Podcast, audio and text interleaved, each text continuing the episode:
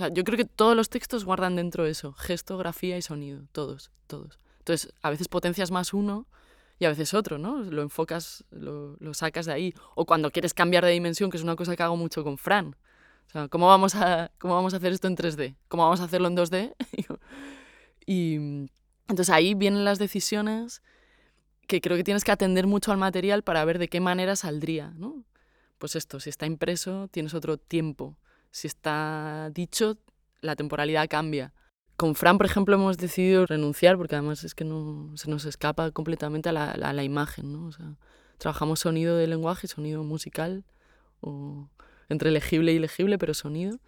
Y nos dimos cuenta que no, que no éramos capaces de, de, incorporar la dimensión visual, ¿no? Y que es todo un mundo de significancia que, que en sí mismo no abre unas habitaciones que, que no, no sabemos componer o no queremos componer. Y yo me doy cuenta que mi trabajo también lo visual, lo objetual, por ejemplo, lo expositivo, las pocas veces que me he enfrentado a ello, me cuesta la temporalidad de lo expositivo. Los últimos años me he dedicado más al, a lo sonoro y a lo gráfico, ¿no? Como a, a cómo se dispone el texto en el, en el papel. La parte de texto tomado, sobre todo la he realizado los últimos años, que sería un poco la zona o el proyecto de Hacia un Ruido. Es un proyecto que inicié con Fran Cabeza de Vaca en enero de 2014 y en el fondo hemos cerrado en, en 2016 y que consistía pues en seleccionar, ¿no? mirar, montar las frases de la política desde 2011 pues hasta que terminamos el, el proyecto. Entonces era un trabajo muy fuerte de, de, toma, de toma de lengua, desde internet hasta el oído en la calle, archivos desde 2011, ¿no? archivos sonoros y cualquier tipo de misión que resultara interesante al proyecto. Entonces yo esto lo iba acumulando también tanto escrito ¿no? en internet como escuchado en la radio, etc. Entonces lo iba incorporando, iba haciendo montañas de frases, frases no todas ellas eh, hermosas ni sorprendentes, sino también, sobre todo, bastante feas y prosaicas, es decir, porque no, no, no era sencillo encontrar el brillo ¿no? en, esos materiales, pero era un trabajo muy fuerte de acumulación, lo mismo con los sonidos, ¿no? de vídeos de YouTube, claves de, la, de las revueltas, pues hacíamos listas y después los mirábamos, los escuchábamos, encontrábamos el sonido que queríamos guardar para formar el ruido que luego, que luego pinchábamos dentro de la obra. Había un, un ruido muy abstracto al principio, que cuando se iba aclarando en la pinchada de Fran, aparecían pequeños detalles, ¿no? Como una niña chilena, de los estudiantes chilenos que, que se encaran con el, el, ministro de Cultura, ¿no? Que lo sorprenden y la, justo la frase que le dice a los ojos, ¿no? Pues esa, ¿no? De todo el vídeo vamos a elegir ese momento de un tunecino que sale a la calle a gritar algo que no entendemos qué es, no entendemos qué es, pero sabemos perfectamente lo que está diciendo, ¿no? Porque eh, está contenido en ese, en ese enunciado. Bueno, pues vamos a aclarar eso para que se observe. Entonces, el trabajo en sí, el proyecto en sí era ese recopilado, la selección, el mirar, el mirar que, que traía cada una de esas frases y montarlo. Entonces, el montaje es un momento que me resultó muy muy placentero y también muy difícil, ¿no? Porque te das cuenta del misterio que cada una contiene, ¿no? Que cada frase en realidad parece que dice unas cosas que comprendes del todo, pero cuando las empiezas a mirar desplazadas y en tensión, te das cuenta de lo raras que son, de las contradicciones que ocupan. Y entonces, pues las fui organizando como por aperturas o dobles páginas eh, que tratarán temas eh, grandes, ¿no? Grandilocuentes un poco de manera humorística, ¿no? El problema de la organización, el problema del amor, el problema de la democracia, ¿no? El problema del pueblo, ¿no? Una idea del pueblo. Entonces tienes las frases que has seleccionado sobre que pueda ser un pueblo en formación, que pueda no existir, existir, todas las presuposiciones que hay acerca de lo que es, las operaciones que empiezas a ver del discurso para controlarlo, pero cuando las dejas así en el esqueleto de la frase y las pones a dialogar, pues la doble página, bueno, pues había unas tensiones que me resultaba a mí muy emocionante de atender y muy extraño, ¿no? Y ese momento en el que lo que lees te extraña a ti, porque algunas de ellas en realidad están hablando de ti, ¿no? No son tuyas, pero son tuyas y, te ves reconocida en ellas.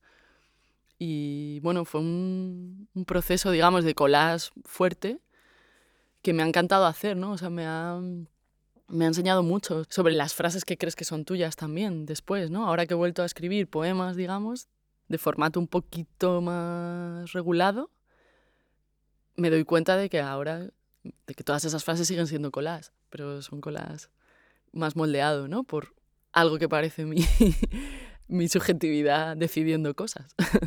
que también lo hice en, en Hacía un ruido, pero en este tipo de poemas digo, ah, bueno, pues ahora voy a meter un, una frase de una jarcha del año mil y pico, ahora un versito de Eliot traducido por mí. Y llegas a este punto en el que te das cuenta que, por ejemplo, Eliot en The Wasteland, hay una parte que dice, ¿te acuerdas de algo? ¿Viste algo? ¿O te acuerdas de algo? ¿Sabes algo?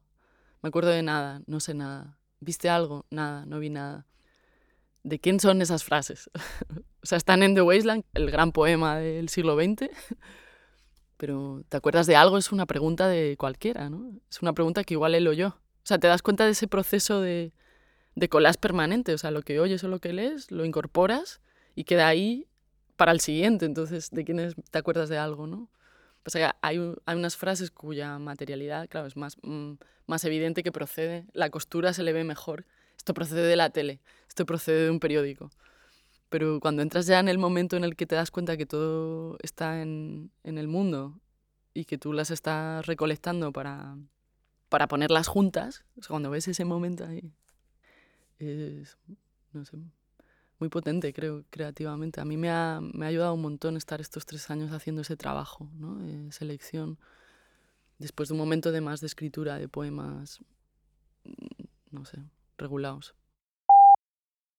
Hay otra estrategia que se me está ocurriendo que, que creo que no, no, la hice a partir de ahí, pero bueno, quién sabe, que es la de la transcripción de grabaciones, pero de entrevistas, no de, o sea, de grabaciones que tú, que tú generas, no que ya están generadas y tú vas al archivo y las transcribes, que serían conversaciones con hablantes, pues digamos, voy a decir ahora como los hablantes menos autoriales que conozco, ¿no? Como no tienen ninguna noción de estar generando un texto, aunque de hecho lo están haciendo, porque me parecía que eran hablantes, dos en concreto que hay en el libro, que al contar sus estrategias narrativas, ¿no? por, por la tradición en la, que, en la que estaban insertos, que es la del mundo rural, un mundo rural muy antiguo, muy poco atravesado por, por otros dispositivos lingüísticos, sino que tiene uno muy particular, otro idioma, que es el gallego, otra posición social, ¿no? que es una edad, por ejemplo, ¿no? una edad bastante elevada me parecía que justo generaban una forma de habla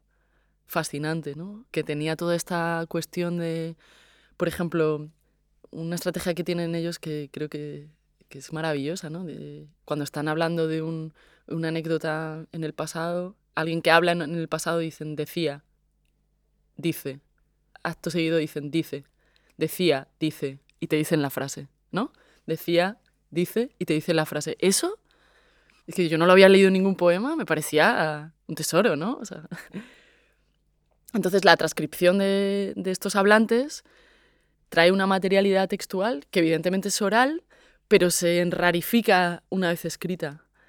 Y de hecho cuesta mucho volverla a oralizar. Es uno de esos procesos que nos habla ¿no? de, del palimpsesto que decía entre oral y escrito. ¿no? Cuando transcribes lo oral y ya se vuelve una materia tan rugosa que cuando la vuelves a, decir es más rara que el habla, ¿no? Es, es algo que en, principio no, no, oirías. Entonces eso, eso, ha sido uno de los experimentos que más he disfrutado de, del proceso de transcripción y que creo que voy a seguir haciendo.